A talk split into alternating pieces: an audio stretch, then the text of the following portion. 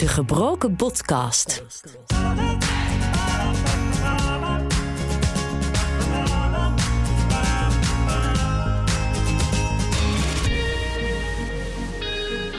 Welkom en leuk dat je luistert naar aflevering 10 van de Gebroken Podcast. Ik ben Michael en in deze podcast neem ik je mee in mijn revalidatieproces. Met deze week. Ik vind het heel spannend. Dus het gaat over mijn grenzen. Ja, Maar het gaat hier niet over mij. Dus jouw therapie. ja. Maar het gaat eigenlijk ook over jouw grenzen. En jij zegt niks. Het voelt echt alsof ik er twee, drie jaar uit ben geweest. Nou ja, je hebt de hele zomer overgeslagen. Ja. Ja, dat is wel raar. Je was geen hardloper. Nee. Ja. Nee. Dus je had niet de conditie en de, en de spierkracht van een, eh, van een hardloper. Of, Ja. Ik maak een beetje een grapje een hardloper, maar ik gebruik vaak een beetje uiterst om het duidelijk te maken. Voorheen was je natuurlijk ook al beperkt. Klopt. Eh, maar vind ik dat je het heel netjes doet. Ik wil OI wel als bijzaak blijven zien. Omdat ik ben OI niet. O, zeg maar, O- OI hoort bij mij, maar ik ben dat niet. Dus ik wil OI als een bijzaak blijven zien. Ik OI. ben niet OI, maar ik heb OI. Juist. 14 weken geleden heb ik mijn beide benen gebroken en daarom verbleef ik tot de afgelopen week in revalidatiecentrum De Hoogstraat in Utrecht. Om zo weer letterlijk op de been te komen. Afgelopen week ging ik met ontslag uit de Hoogstraat en dus is het tijd om terug te blikken op de afgelopen 10 weken daar, maar ook om vooruit te blijven kijken op de volgende fase.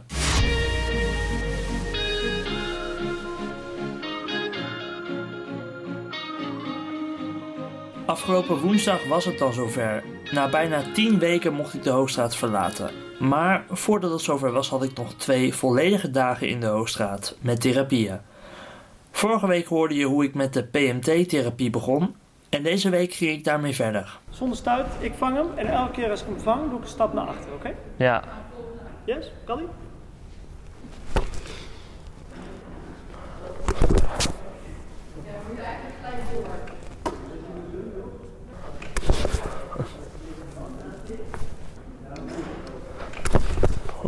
Oké.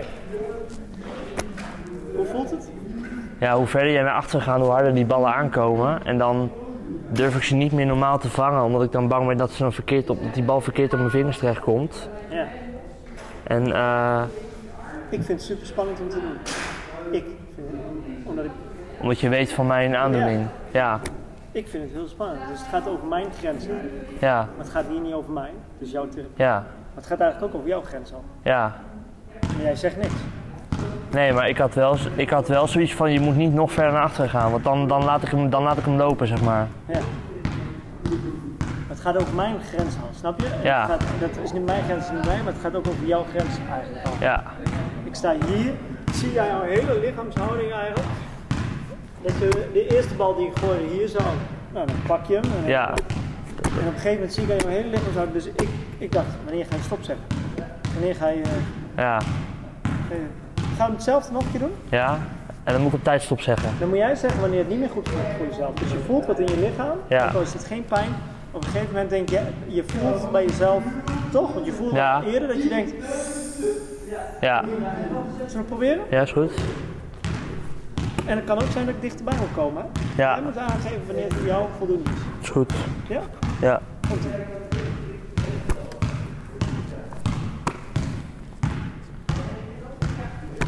Stop maar. Ja. Is dit al voorbij je gevoel? Dat je denkt, Nee, dit is precies goed. Hier kon ik hem nog precies pakken. ja.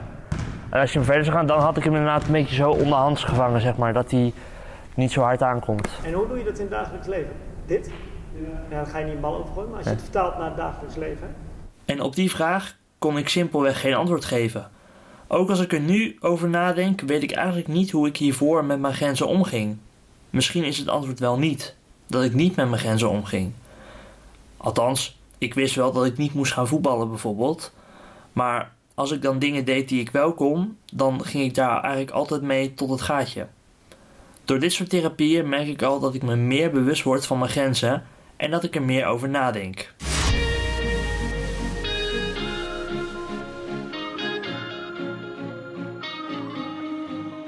Het is nu zondag bijna avond, nog net de middag. Eh, ik ben nu vier dagen thuis.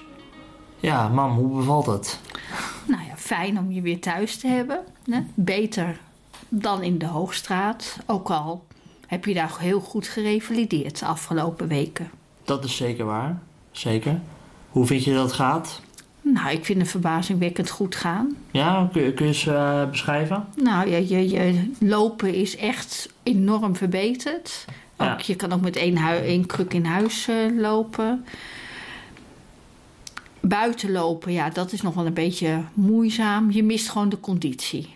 Ja, klopt. Nou, ik fiets natuurlijk alweer een stukje. Dat is ook fijn, want Ja. dat geeft je weer een beetje ruimte, zelfstandigheid. En ik kan waarschijnlijk binnenkort ook wel weer auto rijden. Nou, Nou, je hebt het gezien.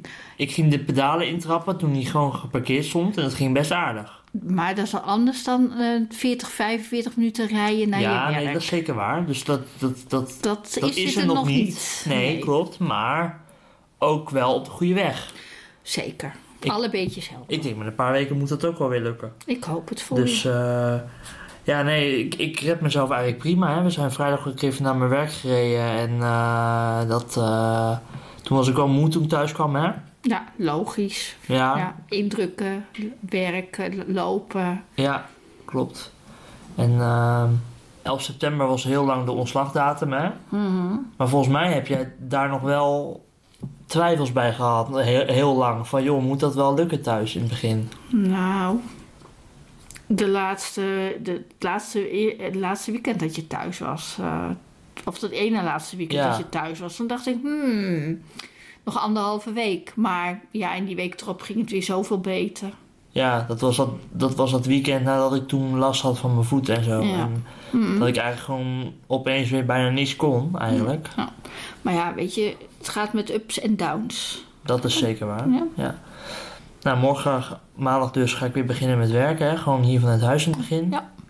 Eh, nou, jouw vakantie zit erop, dus jij gaat ook weer ik eh, ga ook weer werken, ja. naar je werk toe. Ja, Dan begint eigenlijk het normale leven wel weer een klein beetje, hè? Ja. Dat is toch wel gek. Na Ja, zo'n lange tijd. Want Het voelt, echt alsof ik, het voelt echt alsof ik er twee, drie jaar uit ben geweest. nou ja, je hebt de hele zomer overgeslagen. Ja. Ja, dat is wel raar. Was geen zomer voor jou. Nee. Geen eh, zomervakantie of iets dergelijks. Nee. Ja, maar het is echt heel raar. Het voelt echt alsof ik er twee, drie jaar uit ben geweest. Terwijl, ja, drie maanden. Ja, ja, dat is best lang. Het, het, heeft, voor mijn gevoel heeft het echt zo lang geduurd allemaal. Ja, maar het komt omdat je in het begin de eerste vier weken in het AMC lag en dat er eigenlijk niks gebeurde. Ja, Daar lag je alleen maar omdat je niet naar huis kon.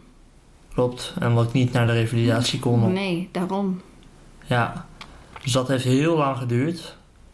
En ja, het is dan raar, omdat dan ben je thuis en dan ga je eigenlijk gelijk weer aan de gang. Ik bedoel, ik ben daar wel aan toe en ik, ik, ik moet het ook doen. Want als je in een revalidatiecentrum zit, word je daar niet toe gedwongen om weer, zeg maar, echt je handen uit de mouwen te steken buiten eh, Het revalideren. het om. revalideren om. Mhm. Het is wel goed om dat nu allebei weer te doen. Dat je, ehm, zeg maar, hoe zeg je dat goed? Dat je gewoon wordt gestimuleerd en geprikkeld om, om meer te doen. Want ik bedoel, ik, ik, ik zit nu wat meer deze dagen, maar omdat je toch met allerlei dingen bezig bent, doe je onbewust Mhm. toch meer eigenlijk. Ja. En het is ook goed om weer in de samenleving mee te doen. Ja, dan alleen maar ziek zijn, tussen aanhalingstekens. Ja. klopt. Nou ja, het was gewoon even zo. Maar eh, nee, ik ben wel blij dat er nu op zit en dan eh, ga, ik, ga ik weer aan de slag. En ja, heb je nog idee voor de komende maanden hoe dat, hoe dat zal gaan, zeg maar? Nee, we moeten dat gewoon week per week bekijken. Ja. Dat is moeilijk te voorspellen. mhm. Hè? Maar je denkt wel dat dat goed is. eh. Ja, we gaan werken is altijd weer goed. Nee, maar gewoon het, het hele afgelopen Ja. weken tot nu, zeg maar, bedoel ik. Dat is super geweest, want anders was je nooit zo ver geweest als je naar huis was gekomen. Ja, Want je kan thuis nooit die zorg krijgen zoals je in de Hoogstraat kreeg. nee, zeker niet. Zo intensieve revalidatie. Klopt. Nou ja, we gaan gewoon weer aan de slag. We gaan gewoon weer aan de slag.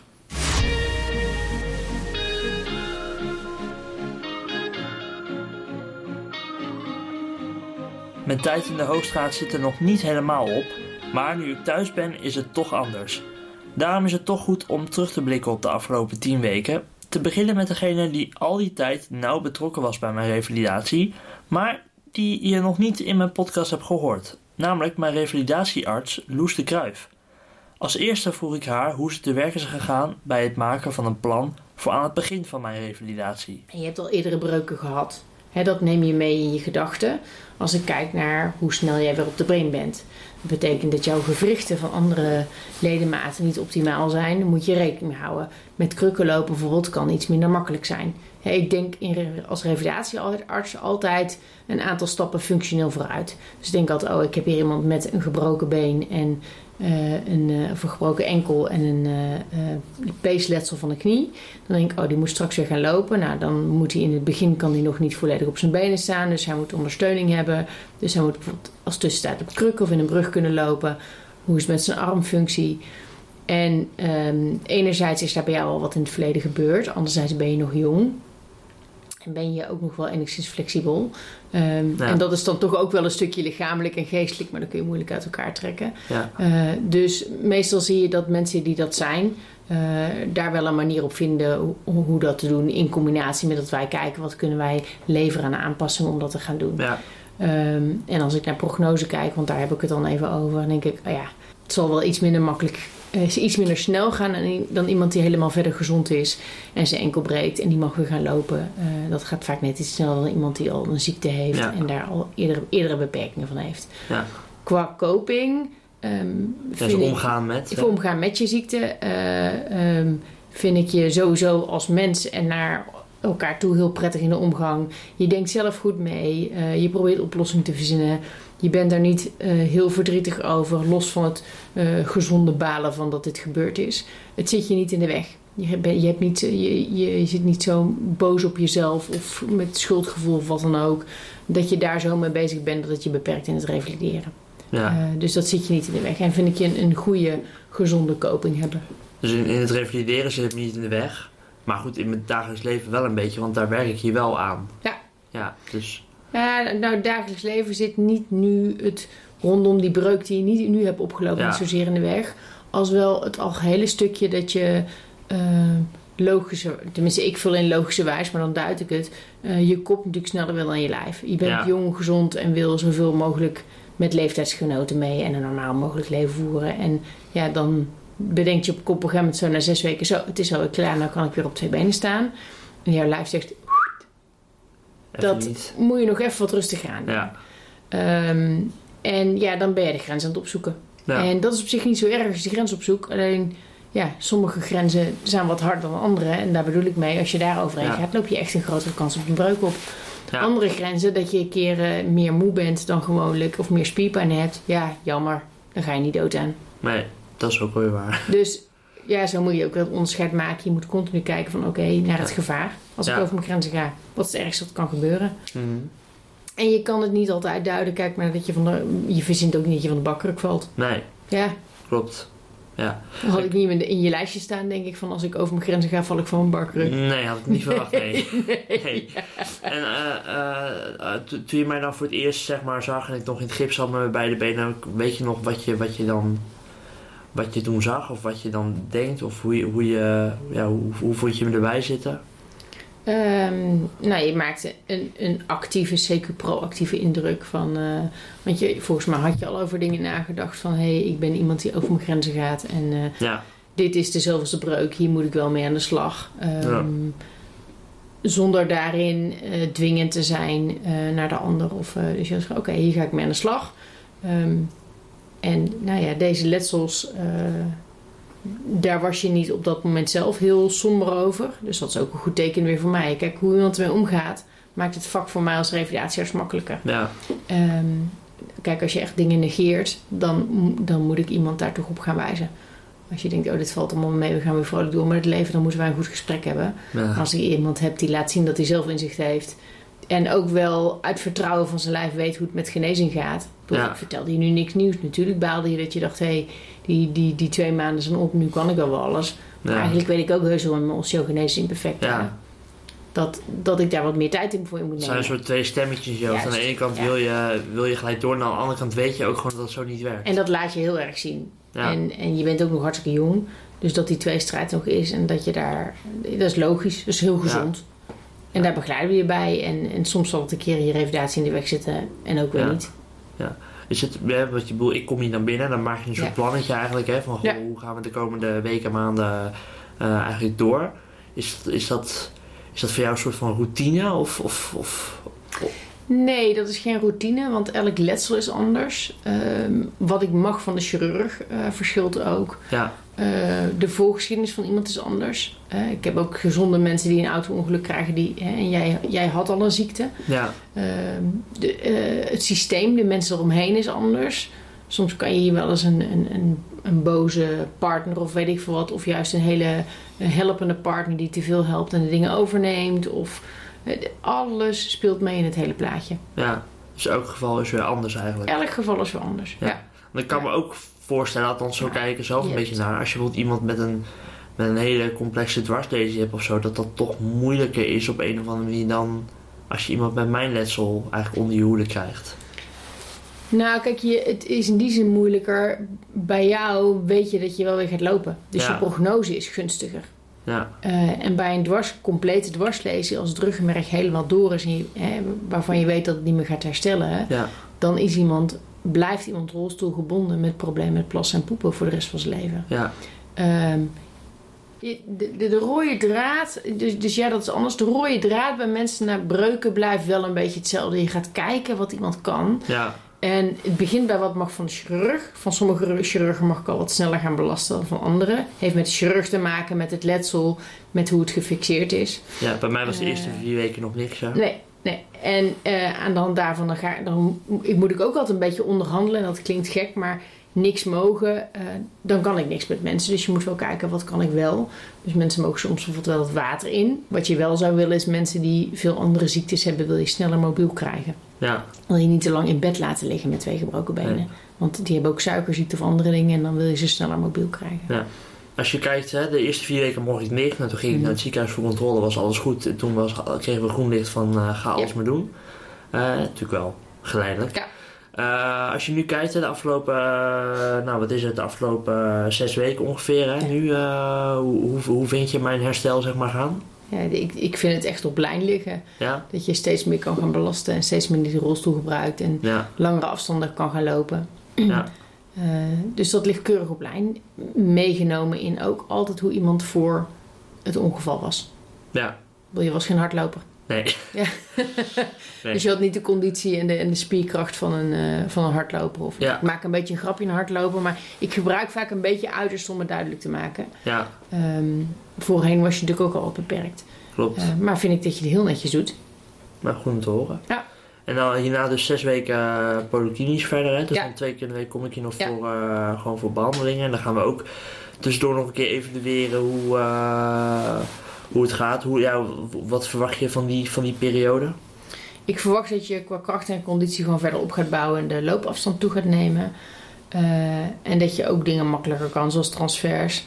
Eh, het andere puntje wat nog belangrijk is om aan te werken, waar we het over hebben gehad, is je grenshantering. Ja, Dus ik verwacht met jou, eh, wij noemen dat mentaliserend vermogen. En mentaliserend vermogen is in hoeverre je eigenlijk een beetje uit jezelf kan stappen en naar jezelf kan kijken en op jezelf kan reflecteren hoe je met dingen omgaat. En dat, jij hebt een goed eh, me- mentaliserend vermogen, dus Ja. een goed zelfreflectief vermogen. Dus het, zou me niet verbazen dat je met die, met die eh, PMT, psychomotoren therapie, waarin we jou een beetje uit gaan dagen, maar wel op een verantwoorde manier, Ja. dat je weer een breuk oploopt, dat je daarin eye-openers hebt van, oh ja, ik doe het dus eigenlijk altijd op die manier. ja. Ehm, en kan ik dingen ook op een andere manier aanvliegen. dat was wel heel grappig. Ik had Ja. toevallig vanochtend de PMT. En toen was het inderdaad wat... Dat, eh, eh, dat we gingen overgooien met een basketbal. En dat we dat vijf keer deden. Dat Martijn zei van... Ja, maar waarom doen we dat eigenlijk met deze bal? Waarom vroeg je jongens achteren, bijvoorbeeld? Ja. Ik dacht van... Oh ja, maar ik denk, jij kiest, jij kiest toch niet de zwaarste bal uit. Ja, precies. Dus Ja. een beetje op die manier Ja. inderdaad, dat, dat dat ik er veel meer over na ging denken Ja. van... Oh, ik moet, ik moet daar veel actiever in zijn in Ja. het aangeven van die grenzen.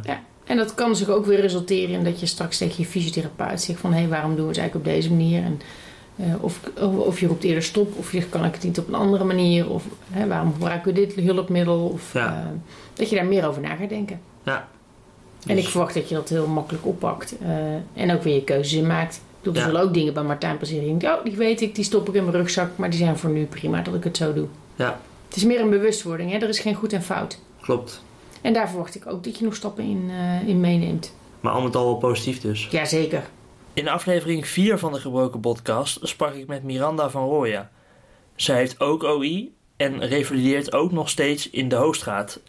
Zij weet daarom als geen ander wat ik doormaak. De afgelopen weken en maanden heb ik veel steun aan haar gehad in mijn revalidatieproces. Daarom leek het me mooi om weer een keer een gesprek met haar te houden. En ik denk dat het een heel mooi gesprek is geworden, vandaar dat ik een lekker lang deel laat horen. En om te beginnen vroeg ik haar naar hoe ik erbij zat aan het begin van mijn revalidatie. Ik vond je de eerste vier weken voordat wij samen onze podcast opnamen... ehm, vooral heel lichamelijk gefixeerd op herstel. En na ons gesprek merkte ik aan jou dat je langzaamaan begon in te zien dat je eigenlijk ook wel heel erg met je geestelijke gesteldheid aan de bak moest. En dat toen je dat eenmaal doorhad en toegaf aan jezelf, dat je toen een beetje in een soort van dipje bent gekomen. Omdat dat toen ook energie van je begon te vreten. En daarnaast alles niet helemaal zo snel ging op lichamelijk herstelgebied als dat jij zou willen. Waardoor je een beetje in een negatieve spiraal terecht kwam. Waar je je vervolgens weer uithaalde.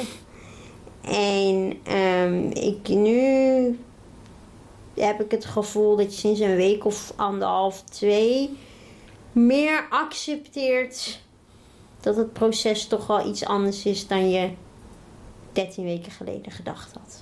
Maar op zich, ik had toch. ehm, het was toch wel gewoon zo dat ik ehm, daar wel al. wel in ieder geval een beetje van bewust was. Want ik had al toen ik hier kwam. Al gezegd van joh, eh, dit is wel iets waar. waar eh, nou goed, het is meer dan alleen het lichamelijke. Dus daar moet wel wat aan gedaan worden. En ik ben toen al begonnen met. dat met de psychologie in kaart te krijgen, zeg maar. Dus ik was me er wel al van bewust dat dat maar iets zo speelde. opnoemen, dat is misschien een rare vergelijking wat ik nu zeg. Maar een alcoholist weet ook dat er iets moet gebeuren. Maar het daadwerkelijk doen en het onder ogen komen van het proces is zwaarder dan het uitspreken. Ik moet er iets aan doen. Mhm. Dus jij was zeker wel bewust hè, van ik moet ook aan mijn geestelijke gezondheid iets doen. En je hebt daar de goede stappen voor genomen door hè, met maatschappelijk werk en de psycholoog. En alle overige therapieën die je daarbij hebt en je nieuwe therapievorm. Maar ik denk dat je je uiteindelijk meer vergist hebt dan je aanvankelijk dacht. Dus je, denkt eigenlijk dat ik dacht van, oh shit, eh, ik, eh, dat, dat geestelijke met OI, daar moet ik ook wat aan doen. En dat ik het toen ik er eenmaal aan begon, dat ik toen nog een keer zo'n dingetje overheen kwam van, of al- alsof het twee keer binnenkwam of zo. De eerste keer dat ik dacht van, oké, ik ga er wat aan doen. En toen ik er eenmaal aan begonnen was, dat het toen nog een keer Ja. binnenkwam of zo. Ja, ik denk wel dat je het daarop kan, Ja. kan gooien, zeg maar. Je, hebt, eh, je, je was je bewust van dat het meer is dan alleen het lichamelijke proces. Daar ben je ook zeker bewust van. Dat heb je ook benoemd vanaf je allereerste podcast. Ehm, maar ik denk in de mate waarin je... dat je daar wel even lelijk op je bek bent gegaan. ja. dat de energiebalans toch wel belangrijker is en meer van invloed is dan je aanvankelijk gedacht had. En waarom denk ik dat? Is omdat we nu eh podcastje 10 aan het opnemen zijn, geloof ik. Ja. En ik jou bijna in elke podcast of hoor, ik ben niet tevreden, ik moet meer kunnen. Of ik hoor jou zeggen, ehm, Ik ben ongeduldig. ook dat inderdaad, dat je ongeduldig bent. Eh, maar ook eh, dat je zo graag terug wilt naar je oude leven. Maar je oude leven is weg. Nou nee, mijn oude leven komt wel terug, maar in een andere vorm. Ja, maar ja, klopt. Dus het is niet helemaal weg. Nee, nee, nee, zeker niet. Hè. Je hebt gewoon nog je baan en je hebt nog steeds het huis bij je moeder waar je lekker kan wonen. Maar je laat het anders worden. Je manier van leven van vroeger gaat aangepast worden. Ja. En gaat voor een groot deel weg en vervangen worden voor een nieuw proces. En daar werk jij nu aan. Maar denk je dat het heel erg gaat veranderen? dat- Ik, ik denk je dat het heel erg gaat veranderen? Ik denk, wat, dat is ook wat bijvoorbeeld bij die, bij die PMT-therapie gezegd wordt. Van joh, alles wat jij deed moet je gewoon blijven doen, maar je moet anders doen. Dus je moet gewoon naar die borrel gaan. Je moet gewoon naar die voetbalwedstrijd gaan. Je moet gewoon naar het concert gaan. Maar je moet het gewoon net even anders doen. En hoe je dat doet, nou dat gaan... Dat moet je zelf doen, maar dat, dat, daar bieden wij je dan de ondersteuning in dat we gaan kijken van, nou, hoe, hoe kunnen we dat dan anders doen? Ik denk dat een heel groot gedeelte van jouw leven wel hetzelfde zal blijven. Maar ik denk dat je wel meer concessies moet doen die je vroeger niet gewend bent. Dat denk ik ook wel, ja. En ik denk dat dat concessiegedeelte jou zwaar gaat vallen. Nee, ik En denk... niet zwaar als in ik zak in de put en ik kom er nooit meer uit. Nee, Maar ik denk dat je daar wel flink wat moeite mee gaat krijgen. Ja, dat dat de verandering is. Dat denk ik ook wel, maar ik heb ook wel dat ik denk... Ik denk dat ik in het begin alsnog heel erg voorzichtig ga doen. En dan te voorzichtig. Ja, maar dat heb ik je ook over mijn eh, balanszoektocht gezegd. Ik deed alles. Ja, Daarna deed ik niks. ja. Nou doe ik het nog steeds niet goed, maar ik waag een poging. Nee. maar, eh, hè, en, maar nu heb ik het wel meer in balans van... Ja. Oké, ik, ik, wat ik doe en wat ik wil doen ligt redelijk op één lijn. Alleen bij mij is de dagvolgorde niet eh, helemaal oké. Dat is de reden waarom ik natuurlijk in de Hoogstraat ben om dat beter aan te passen. ja. Ik denk wel dat, dat je uiteindelijk ook wel op het juiste punt komt wat past bij jouw leven. Alleen ik ben, nou ja, bang is misschien niet het goede woord. Ik verwacht dat in jouw proces die jij nu gaat doormaken, dat je daarin wel een paar keer teleurgesteld gaat zijn in jezelf. Ja, dat, denk ik ook wel. Maar ja, ja, maar ja, is dat erg? Nee, dat is Nee. zeker niet erg. Mits je niet in een negatieve spiraal daardoor terechtkomt. Ja, En jij hebt de neiging bij een fout of bij een tegenslag in een neerwaartse spiraal terecht te komen. ja maar ook niet lang. Nee, nee, nee. Je hebt, ik moet zeggen, de laatste tijd merk ik dat het steeds sneller gaat om je te herpakken. Ja, Waar je in het begin echt lang over hetzelfde onderwerp kon doorzagen, zoals we dat lekker op z'n Holland zeggen. merk ik nu wel dat je, als je het tegen me vertelt, jezelf eigenlijk al een beetje, ja, een soort van corrigeert. Van, maar eigenlijk valt het ook wel mee, Miran. ja, zit wel wat in. Ja. Maar als je gewoon in het, in het, een beetje het, het totale plaatje bekijkt, wat, ja, hoe, hoe kijk je dan op de afgelopen weken terug als je, als je mij ziet? Positief? Ja, zeker positief. Je hebt een, een, een enorme vooruitgang in mijn ogen gemaakt. Als ik zie hoe ik jou. eh, Hè, ik heb dan in podcast 4 gezeten, maar ik heb hem natuurlijk weken daarvoor al gezien. En eh, als ik zie wat jij de afgelopen 8, 9 weken bereikt hebt. Ja, voor jou is het misschien niet voldoende. En jij hebt misschien eh, de spirit en de peper in je kont. Maar eh, ik persoonlijk vind dat jij echt wel hele grote stappen hebt gemaakt. En dat het lichamelijk misschien niet zo snel gaat als dat jij wil of zou willen, denk ik dat je in zijn totaliteit met je geestelijke gesteldheid in combinatie met je lichamelijke gesteldheid best wel veel sprongen hebt gemaakt. Niet hard, dan spreek je weer wat. Maar nee. Ja, nou ja, leuk om te horen. Ik, ik moet ook wel zeggen, daar, inderdaad, wat je zei in het begin al, de ehm, afgelopen anderhalf, twee weken. Ik heb ook het gevoel dat in die periode die jij noemde, dat echt opeens als een, als een komeet gaat. Als ik nu, hoe ik nu rondloop hier weer. Ik ga gewoon standaard, loop ik op krukken naar de woonkamer, dan ga ik daar zitten hier. Of ik, en ik ga, ik ga eigenlijk, nou, bij de fysio doe ik, dan, doe ik het dan niet, want dan, eh, dan word je toch een beetje afgebuld en dan moet je daarna gewoon even zitten. Maar in principe alle andere therapieën loop ik ook op krukken naartoe hier in de Hoogstraat. Ik ben van, ben van de week dus van de parkeerplaats helemaal hier naartoe gelopen naar de kamer waar we nu ik zijn. gehoord, ja. Dus, en dat is allemaal in de afgelopen anderhalve week dat opeens, op de, opeens Ik zit er echt merkte eigenlijk vanaf het moment dat jij last van je voet had, omdat je hem gestoten had. Ja, Toen begon je een beetje onzeker te worden. Van, oh hemel, er zal toch niks verkeerd zijn. was het gelukkig ook niet. Was het gelukkig ook niet. En met een paar pijnstillers ging het wel beter. En Ja. toen kwam je spierpijn om de hoek zetten. Dat werkte ook niet heel erg mee. En toen dat eigenlijk een beetje gezakt was en je lichaam eigenlijk gewend was om weer te gaan werken, Ja, eh, ging het beter omdat je lijf gewoon te lang stil heeft gezeten. En jij pushte jezelf het liefst van 0 naar 100. En soms moet je gewoon beginnen van 0 tot 50 en daar elke keer 10% bij doen.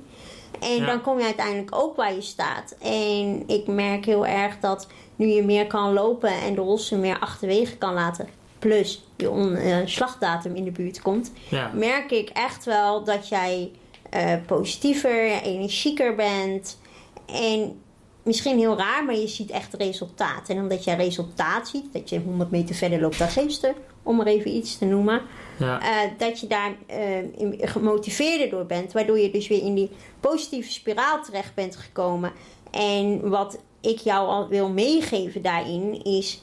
op het moment dat het dus even die 100 meter de volgende keer maar 50 meter is... omdat je net te veel gedaan hebt op die dag... is dat nog steeds niet slecht. Nee, is ook zo. Ik, ja, ik ben gewoon ongeduldig. Dat is ding wat zeker. Nog steeds. En dat zal ook niet snel verdwijnen, denk ik. Aard van beestje. Ja, dat denk ik ook. Je hebt daar een bloknootje met papier Ja. liggen. Wat heb je daar op staan? Nou, ik heb jouw afgelopen podcast geluisterd in Ja. een week tijd. En eh, met mijn lieftallige OI-lotgenoten over jou geroddeld. Je hebt over mij gerold. Over jou geroddeld. Om te kijken of er nog vragen dan wel dingen zijn die wij van jou willen weten. Oh, nou, bijzonder. Wat, heb- wat heb je allemaal opgeschreven? Nou ja, Wat het- heb- waar het- zijn jullie toegekomen? Nou, het, vooral het, het, het lichamelijke gedeelte, dat, dat loopt wel. Woordkeuze. Ja, Zo subtiel. Dat loopt wel. Ah, maar dat, mag best sneller nog hoor. Ja, nou ja, ik wil graag dat mijn rol zo sneller gaat dan jouw loopvermogen. Dus doe maar gewoon rustig aan. maar ehm, dat vooral eh, het, het, het geestelijke proces wat jij doormaakt, dat dat voor ons lotgenoten extreem interessant is. Ja, Omdat ehm, bij, eh, bij OI, hè, hebben we vorige keer al uitgelegd in een andere podcast, dat we allemaal verschillende types hebben. Dus ons lichamelijk herstel en onze ervaringen Ja. zijn allemaal anders. Maar dat we geestelijk gezien best wel veel raakvlakken met elkaar hebben. ja, Hè, dat zie je al bij jou en mij. Je hebt een heel ander type dan ik. ja, Maar onze balans vinden, daar worstelen we allebei mee. ja. Ja, en dat dat bij de andere OI's ook wel veel sprake van is, zeg maar. En dus wij hebben vooral veel geestelijke, nou ja, geestelijke, eh, vooral meer eh, vragen op dat gebied Ja. bedacht. Nou heb ik er een hele hoop en die ga ik niet allemaal beantwoorden. Dus, maar ik heb ze opgeschreven en dan denk ik, ik kijk wel even welke ik het meest interessant vind. En je Kijk kan het niet de- lezen, want het is echt afschuwelijk geschreven. Nou, ik zie wel heel groot OI staan. ja, dus. dat is, eh, dan weet ik altijd een beetje... Maar eh, stel maar de belangrijkste vragen waarvan je denkt van, nou, dat, dat, dat, ja, dat willen we echt nog Nou, dat weten. zijn er meerdere, maar Ja, er mogen ook meerdere zijn. ik denk. Die, ik weet in ieder geval wel wat mijn laatste vraag wordt, zo ben ik dan weer wel. ik ga gewoon met mijn eerste vraag stellen. Waarom vind jij dat jouw lijf meer moet kunnen? Waarom wil je altijd maar door? Wat is er mis met een stapje terug? Je- Wat, wat bedoel je precies met meer kunnen? Eh, meer dan ik Nou gewoon... ja, je, ja, Meer meer, dan dat kan. je, ja, meer dan dat je lijf op dit moment aangeeft. Waarom push je jezelf to the limit? Omdat ik gewoon altijd zo normaal mogelijk wil zijn en daardoor. eh, ja, staat er ook bij, bij je, bij je aantekeningen.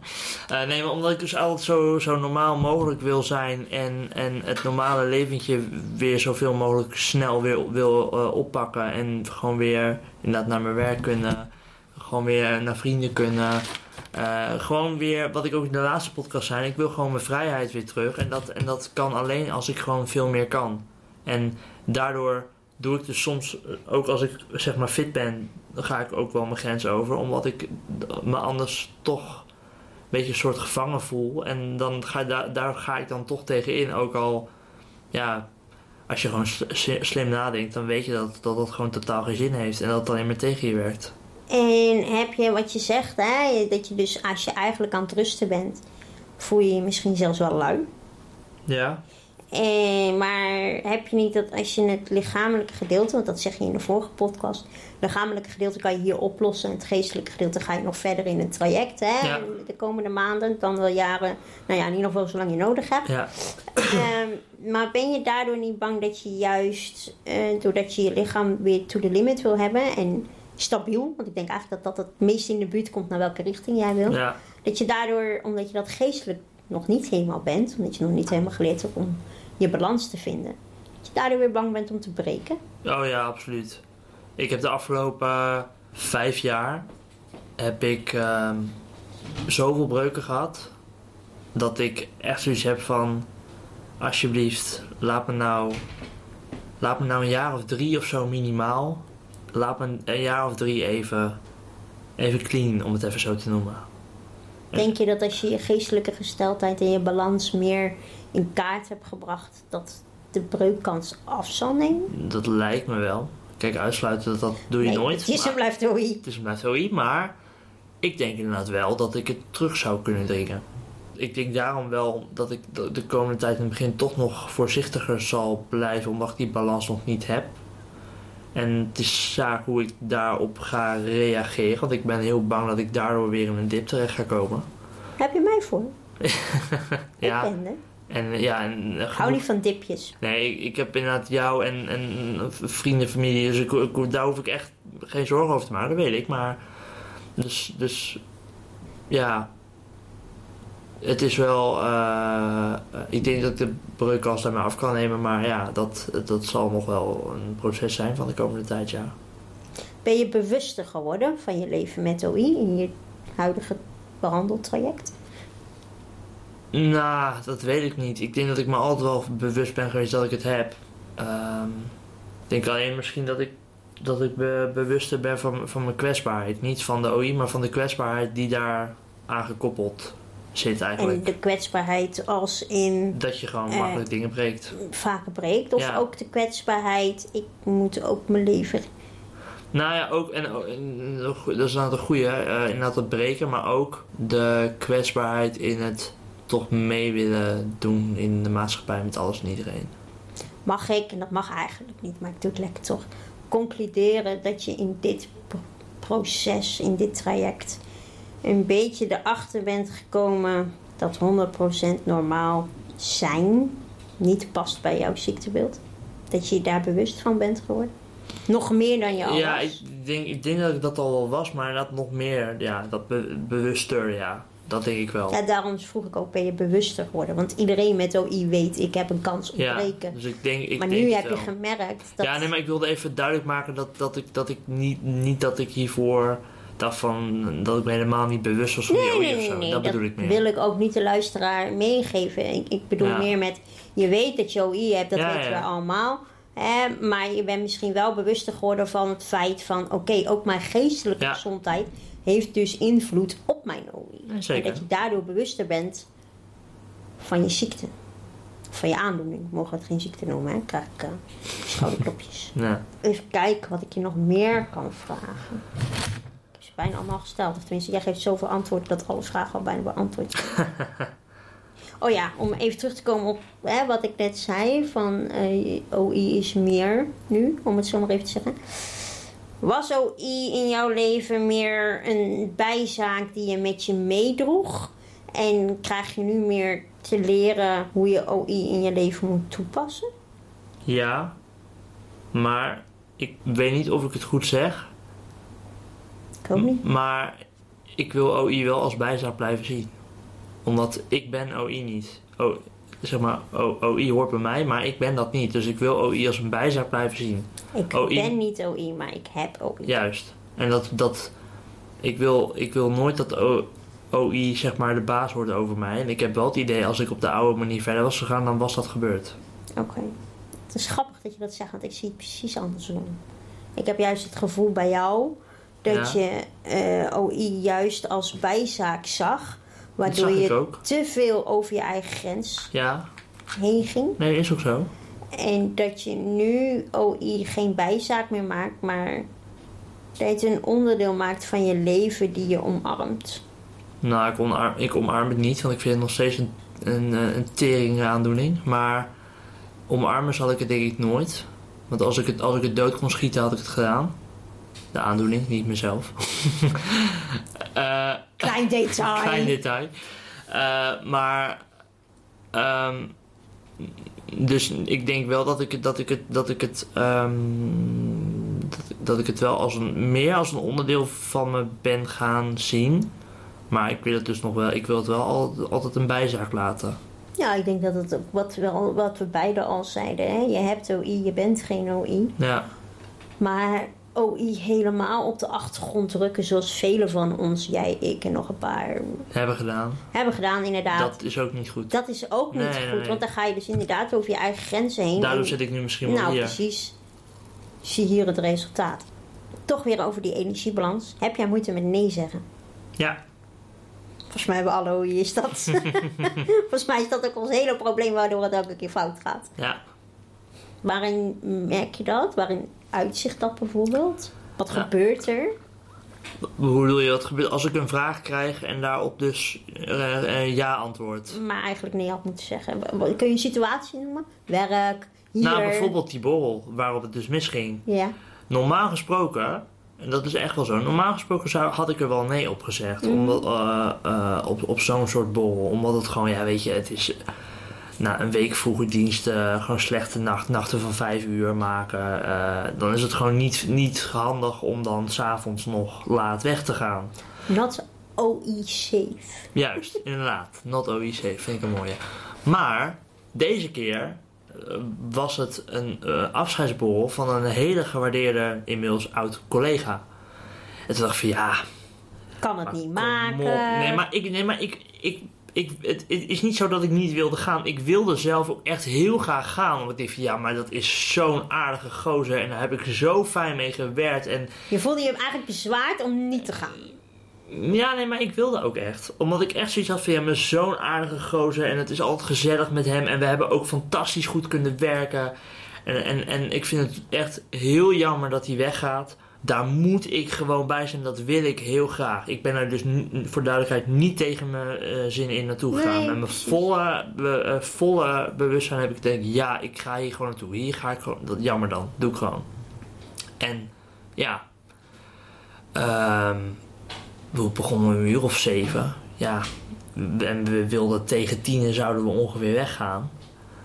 En rond tien ging het dus ook mis. Ja, ik had ook om half negen of negen uur weg kunnen gaan. Ja, maar ja, het is een blijft Nee, maar- had het ook kunnen gebeuren. Ja, nee, maar voor een volgende keer is het dan zo'n ding. Of je gaat niet en je, spreekt, je, eh, je belt die gozer en zegt van... joh, eh, hè, vanwege mijn hele eh, lichamelijke toestand is het voor mij niet handig... om dat te doen. Laten we een andere keer met z'n tweeën wat gaan drinken. Of ik was om zeven uur gegaan, ik was een uurtje gegaan en dan naar huis gegaan. Zo zou ik het de volgende keer aanpakken. Dus je bent je nu bewuster van het nee zeggen. Dat echt nee zeggen belangrijk is voor jouw Nou ja, lichamelijke... dat, dat, ik, dat ik, hoe, dat, gesteldheid. hoe kut ik het ook vind, dat ik het toch maar moet doen. Af en ja, dus dat dat, dat beter Ja. eigenlijk is voor je lichaam. Ja, eigenlijk wel. Ongeacht wat jouw hoofd daarvan Ja, vindt. zeker. Ja, nee zeggen is ook niet mijn sterkste kant. Volgens mij niemand bij heel. Ja, maar het is toch ook... Als iemand jou ergens voor uitnodigt, dan is het toch ook een soort signaal van... Kijk eens, ik mag jou, kom gezellig mee. En dan is het toch ook heel kut om nee te moeten zeggen. Ja, ben ik het zeker mee eens. Ja. En mijn gedachtegang is ook jarenlang zo geweest. Alleen diegene zit niet met de gevolgen als ik niet Nee, dat is ook- ik wel. Is ook zo, en helemaal gelijk dat in. is wat ik Ja. geleerd heb in mijn vorige periode waarop ik om mijn energiebalans moest denken. Een beetje heel hard gezegd, maar het boeit me gewoon niet meer wat andere mensen daarvan vinden. Nee. Het boeit me niet als jij denkt dat ik jou niet een goede gewaardeerde collega vind omdat ik niet op jouw borrel kom. Kijk, tuurlijk, je kan iemand altijd bellen met een beetje uitleg. En ik begrijp jou, want ik heb dat ook gehad toen ik twee Ja. jaar geleden compleet instortte. Ben ik zo geweest dat ik al mijn vrienden, die echt close naast mij staan, Ja. eh, heb ik een berichtje gestuurd met: luister, als ik op het laatste moment onze afspraak afzeg, is dat niet omdat ik niet wil, maar omdat het niet kan. ja. En niet omdat ik een dubbele afspraak heb gemaakt of dat ik niet kan plannen of wat dan ook. Want ik ben structuurkoningin nummer 1. maar, ehm, maar omdat mijn lijf dat gewoon Ja. niet kan. En ik moet zeggen, sinds ik dat heb uitgesproken, hoef ik dus mensen ook niet meer uit te leggen als ik zeg ik trek het niet. ja. Heb je een Ik heb er nog één. de laatste Ja, vraag? ik heb er nog één. Ja. Hoe zie jij de toekomst, niet alleen je na-traject van de Hoogstraat, maar je nabije je toekomst, voor jou met de informatie die jij nu weet en gaat leren? Is gewoon hoe mijn leven de komende jaren, wat ik daarvan Ja. verwacht. Wat zijn Ja. de doelen bijvoorbeeld? Ja, het belangrijkste is gewoon dat ik gewoon wil gewoon echt een paar jaar gewoon clean blijven van breuken. Dat wil ik nu gewoon echt eens een keer. Dat heb ik echt al jaren niet meer gehad. Dus dat wil ik nu echt. En ehm, voor de rest heb ik niet echt... Zou je op jezelf willen wonen? Ja, ja, ik wil op mezelf wonen. Daar was ik ook al naar aan het kijken. Maar ja, weet je... één, de markt is heel moeilijk op dit moment. Ja, provincie of gemeente Utrecht en de omgeving is niet is heel, eh, lastig ja. en daar wil ik toch wel blijven. En Snap ik. Ik zou ook bij mij buurt blijven wonen. Ja, en twee is ook dat ik gewoon door die breuken de afgelopen jaren, ja, weet je, dan, dan denk je van, nou, ik ga nou eens fanatiek kijken en dan vervolgens, eh, dan gebeurt er weer wat. Dan ben je weer een paar, dan, ja, dan doe je het weer een paar maanden niet, zeg maar, weet je. Moet je ook rekening houden dat. Of vind je het belangrijk om er rekening mee te houden dat als je, stel je zou op jezelf gaan en je kijkt naar een woning, dat je daar ook met een rolstoel zou moeten kunnen Ja, ja, zeker. En ehm, dat is grappig, want ik heb nu, ik ga nu komende week ga ik bij de WMO een verzoek voor een rolstoel indienen. Om gewoon, als ik wat heb, dat ik gewoon mijn eigen rolstoel heb. Dat ik ook een lichte heb die ik met mijn armen, waar ik natuurlijk ook wat eh, letsel aan over heb gehouden in het Die je verleden. ook kan gebruiken om ergens naartoe te gaan, maar toch rust nodig. Ja, en dat ik dus ook gewoon zelf daar makkelijk mee kan rollen, omdat die licht is. Eh, die ik dus ook mee kan nemen als ik, eh, weet ik veel, lange dag Naar een borrel gaan en niet op een krukje moet gaan eh, zitten. Ja, misschien bijvoorbeeld. en, ehm, dus nou eigenlijk dat soort dingen. Dus, dus daar ben ik wel bewust al mee bezig. En, en inderdaad, dat huisje moet, dat moet een rolstoel in kunnen. Daar moet een lift begaanbaar zijn. Het moet gelijkvloer zijn. En ik wil gewoon echt dicht in de buurt bij mijn moeder blijven wonen. Omdat als er wat gebeurt en ja, ik heb dan toch een beetje haar hulp nodig. Dat dat gewoon ook makkelijk kan. Het moet, het moet voor haar. eh, eh, ik bedoel, zij moet er niet een half uur voor, half uur, drie kwartier voor moeten reizen, zeg maar. Dus het liefst blijf ik ook gewoon in het dorp. Eigenlijk. Ja, snap ik. Dat het, gewoon, dat het gewoon op fietsafstand is. En dan, dan is het ook wel behapbaar. Ja, heb ik ook gedaan. Ik woon ook niet ver bij mijn ouders vandaan. Ja, Zodat ze altijd in tijd van nood in mijn buurt kunnen zijn. Al begin ik nu wel in de fase te komen van dat ik ook moet nadenken wat er gebeurt als die er niet Ja. zijn. Omdat ze op vakantie zijn of wat dan ook. Ik bedoel, mijn ouders die hebben een caravan, staakerven en die zijn vier weken per jaar op vakantie. ja, Ja, en dan- als me dan wat gebeurt, dan zijn ze wel drie, bijna een half uur drie kwartier bij me vandaan. ja, dat Ik merk dat ik dat moeilijk. angstig Ja, vind. kan ik me voorstellen. Maar goed, daar hebben we de Hoogstraat voor. Ja, zeker. En eh, dus nee, eigenlijk gewoon die eh, clean blijven van breuken. En ja, de komende jaren, twee, drie jaar wil ik wel op mezelf gaan. En, maar voor de rest weet ik niet. Ik vind het ergens ook wel een beetje, toch ook wel een beetje eng of zo. Omdat ik denk van ja, hoe, hoe gaat mijn leven eruit zien? Hoe, hoe ga ik de dingen anders doen? Hoe, hoe, dat, er, zeg maar, hoe dat er in zijn totali- to- totaliteit uit gaat zien. Ja, nee, dat, dat snap ik wel. Daarom zei ik er ook achteraan, heb je bepaalde doelen. Nou ja, uit jouw verhaal hoor ik nu dus, je hebt het doel om uiteindelijk op jezelf te gaan. Ja, In de buurt van je sociale omgeving Ja. voor eventuele hulp. Eh, je wil een rolstoel aanschaffen om jezelf te kunnen ontzien ja, en te ontlasten in bepaalde situaties. ja. En eh, je wil, ehm, nou, ik neem aan, verder aan je geestelijke gezondheid. Ja, klopt. werken. Maar dat, ja, dat, dat, dat had ik al een beetje vanzelfsprekend meegenomen. Dat klopt. Daar gaan we, ga ik ga donderdag al naar de huisarts en dan ga ik eh, verwijzing fixen voor eh vervolgtraject. Dus dat Nou, ik ik denk doen. dat je het allemaal prima op een rijtje hebt. Ja? Heb ik ze allemaal op een rijtje? Ik, nou, ja, nou moet je het niet te makkelijk maken hoor. Want dit, eh, Nee, nee, dit is, nee, dit is net een schot voor open doel Ja, gewoon. en ik kan niet eens lopen. Dus kun je nagaan hoe makkelijk het Ja. is. Nee, ik, ik denk zeker dat jij een overzicht in je hoofd hebt. Een stappenplan hebt die eh, realistisch genoeg is om eh, dit traject eh, ja, af te gaan maken en dan wel verder te gaan volgen.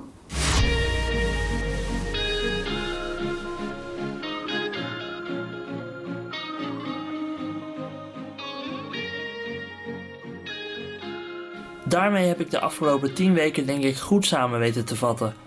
Ik sta er lichamelijk goed voor. En mentaal heb ik goed door wat er aan de hand is. En ben ik ervan overtuigd dat ik op deze manier mijn worsteling aan kan gaan pakken. Te beginnen de komende 6 weken in de Hoogstraat als ik daar twee keer per week terugkom. Daarmee komen we aan het einde van deze tiende aflevering van de Gebroken Podcast. En dit is tevens de laatste in zijn huidige vorm. Maar wees gerust, ik ga niet stoppen met deze podcastserie. Maar ik ga niet meer wekelijks een aflevering maken. Want ik ga deze week ook gewoon weer een aantal dagen aan het werk. Waardoor ik gewoon minder tijd en energie overhoud voor de podcast. Maar ook wil ik het normale leven toch weer redelijk op gaan pakken.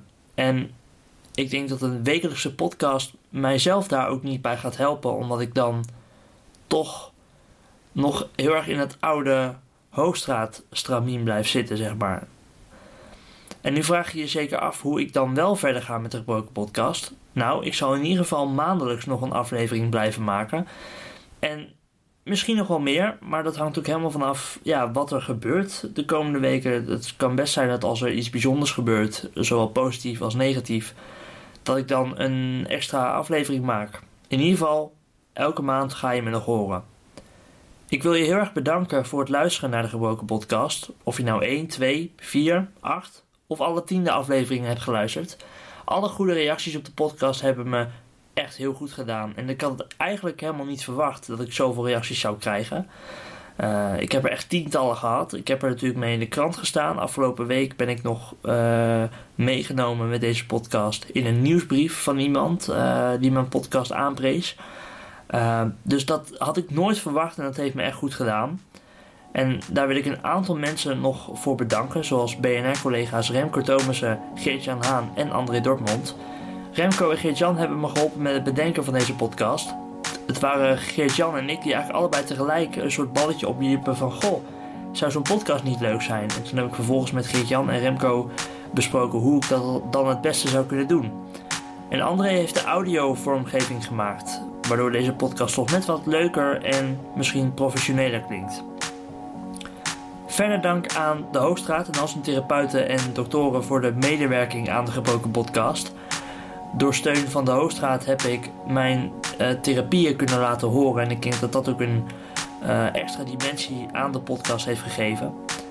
En uiteraard hebben familie en vrienden me ook gesteund in het proces en geholpen met de podcast. En misschien een beetje een cliché, maar daarvoor wil ik speciaal mijn ouders bedanken. Nogmaals bedankt voor het luisteren naar de Gebroken Podcast. Volgende week ben ik er dus niet met een nieuwe aflevering.